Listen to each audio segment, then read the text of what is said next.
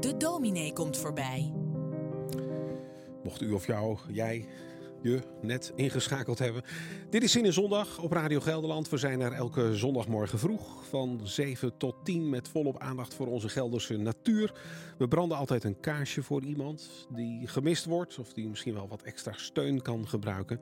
We draaien veel muziek, licht klassieke muziek. Ehm, en ja, een mooi moment, de zondagochtend, om even wat te bezinnen, na te denken. Dat doen we met een team van zo'n 15 zingevers die rolerend voorbij komen. En nu een uh, nieuwe zingever, Marianne van der Meen. Goedemorgen, Marianne. Goedemorgen, Daan. Straks gaan we luisteren naar jouw overdenking. Uh, maar eerst maar eens kennis maken, hè, lijkt mij. Um, volop Gelderlander, hè? geboren in Nijkerk. Inmiddels alweer bijna 25 jaar woonachtig op de Noord-Veluwe. Onder andere pastor in uh, Hattem geweest. W wat heb je met Gelderland? Wat heb ik met Gelderland? Ja, geboren en getogen, mm -hmm. inderdaad, uiteraard. Um, op een boerderij ben ik ook uh, geboren uh, en getogen zelfs. Dus, dus echt ja, de grond, de, ja, mm.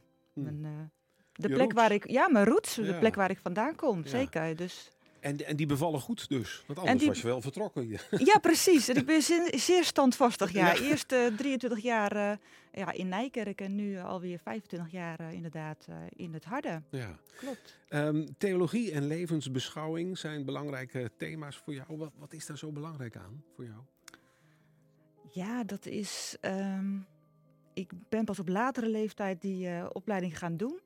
Um, ik merkte dat ik in mijn werk, ik werkte toen in de, in de zorg, uh, dat ik uh, mensen uh, daar een beetje meer in kon steunen. En dat ik dacht van nou, sommige mensen hebben dat meer nodig nog als dat de zorg die ik daar kon brengen. Ja. Dus dat was eigenlijk een beetje de, de weg ernaartoe. En voordat ik het wist, deed ik de opleiding. ja. ja. ja. En ben je nu heel veel jaren verder? Hè? Inmiddels, ja. ja. Je werkte onder andere ook in Dronten. Hè? Wat doe je daar?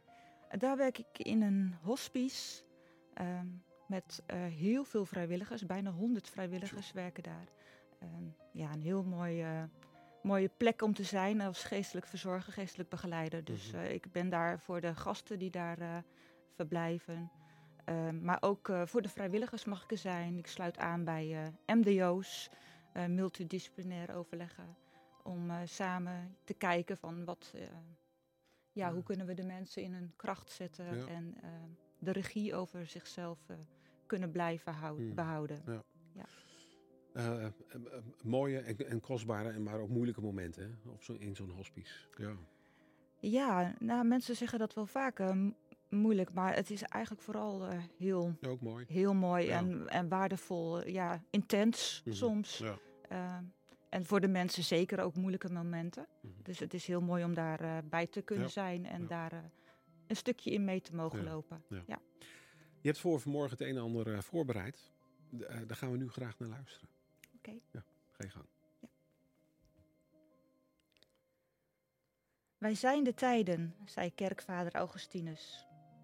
En nog een stapje spe specifieker is misschien wel waar de Franse filosoof Michel Foucault onze aandacht naartoe heeft gebracht, namelijk we zijn de taal. Taal is levend en beweegt met ons door de tijd heen. Op vele manieren wordt taal beïnvloed. Zo is de beïnvloeding van de Engelse taal, straattaal, of juist het verdwijnen van woorden, van dialect, de moerstaal waar iemand zich vaak pas echt gekend en verstaan weet. Op zijn zachtst kunnen we zeggen dat de laatste decennia er behoorlijk veranderingen in onze taal hebben plaatsgevonden. Alleen al het gegeven dat binnen het gezin of als vrienden onder elkaar we meer en meer zakelijk gerelateerde woorden zijn gaan gebruiken. Daarnaast is schrijf- en spreektaal de laatste eeuw in waarde toegenomen. Terwijl tegelijkertijd mensen die met weinig woorden door het leven gaan, soms steeds moeilijker worden verstaan. Enkele weken terug, ik werk zoals gezegd als geestelijk verzorger in een hospice, raakte ik in gesprek met Peter. Hij is daar werkzaam als zorgvrijwilliger. Het was de eerste keer dat wij elkaar ontmoetten en hij vertelde, volgens mij daardoor enigszins ook verrast door zichzelf, dat hij na bijna zeker 40 jaar de Bijbel weer eens opengeslagen had. Hij had geen boek meer gehad om te lezen, vertelde hij. Maar ook dat hij een soort verlangen had naar de taal in de Bijbel. Naar die gedragen taal, zo zei hij. Ik was alweer op weg naar huis, maar die uitspraak bleef op de een of andere manier hangen. Gedragen taal. Een taal die draagt. Kunnen woorden dat? En wat zijn dat dan voor woorden? En wat zit er dan in die woorden dat ze kunnen dragen? Hierop verder denkend kwam ik uit op een gegeven moment bij de tien geboden. De tien geboden waar onze rechtsstaat op stoelt. Diezelfde tien geboden worden in de Joodse traditie de tien woorden genoemd. Tien woorden. Want het Hebreeuws kent namelijk geen woord voor het woord woord. Het kent het woord dabar. Dit betekent tegelijkertijd woord en daad. Wonderlijk. Dit maakt het zeggen, ons zeggen, verbonden met ons handelen. En andersom. In ons handelen laten wij zien wat wij zeggen. Peter en vele mensen wereldwijd met hem slaan de Bijbel open en vinden daar taal. Woorden die dragen.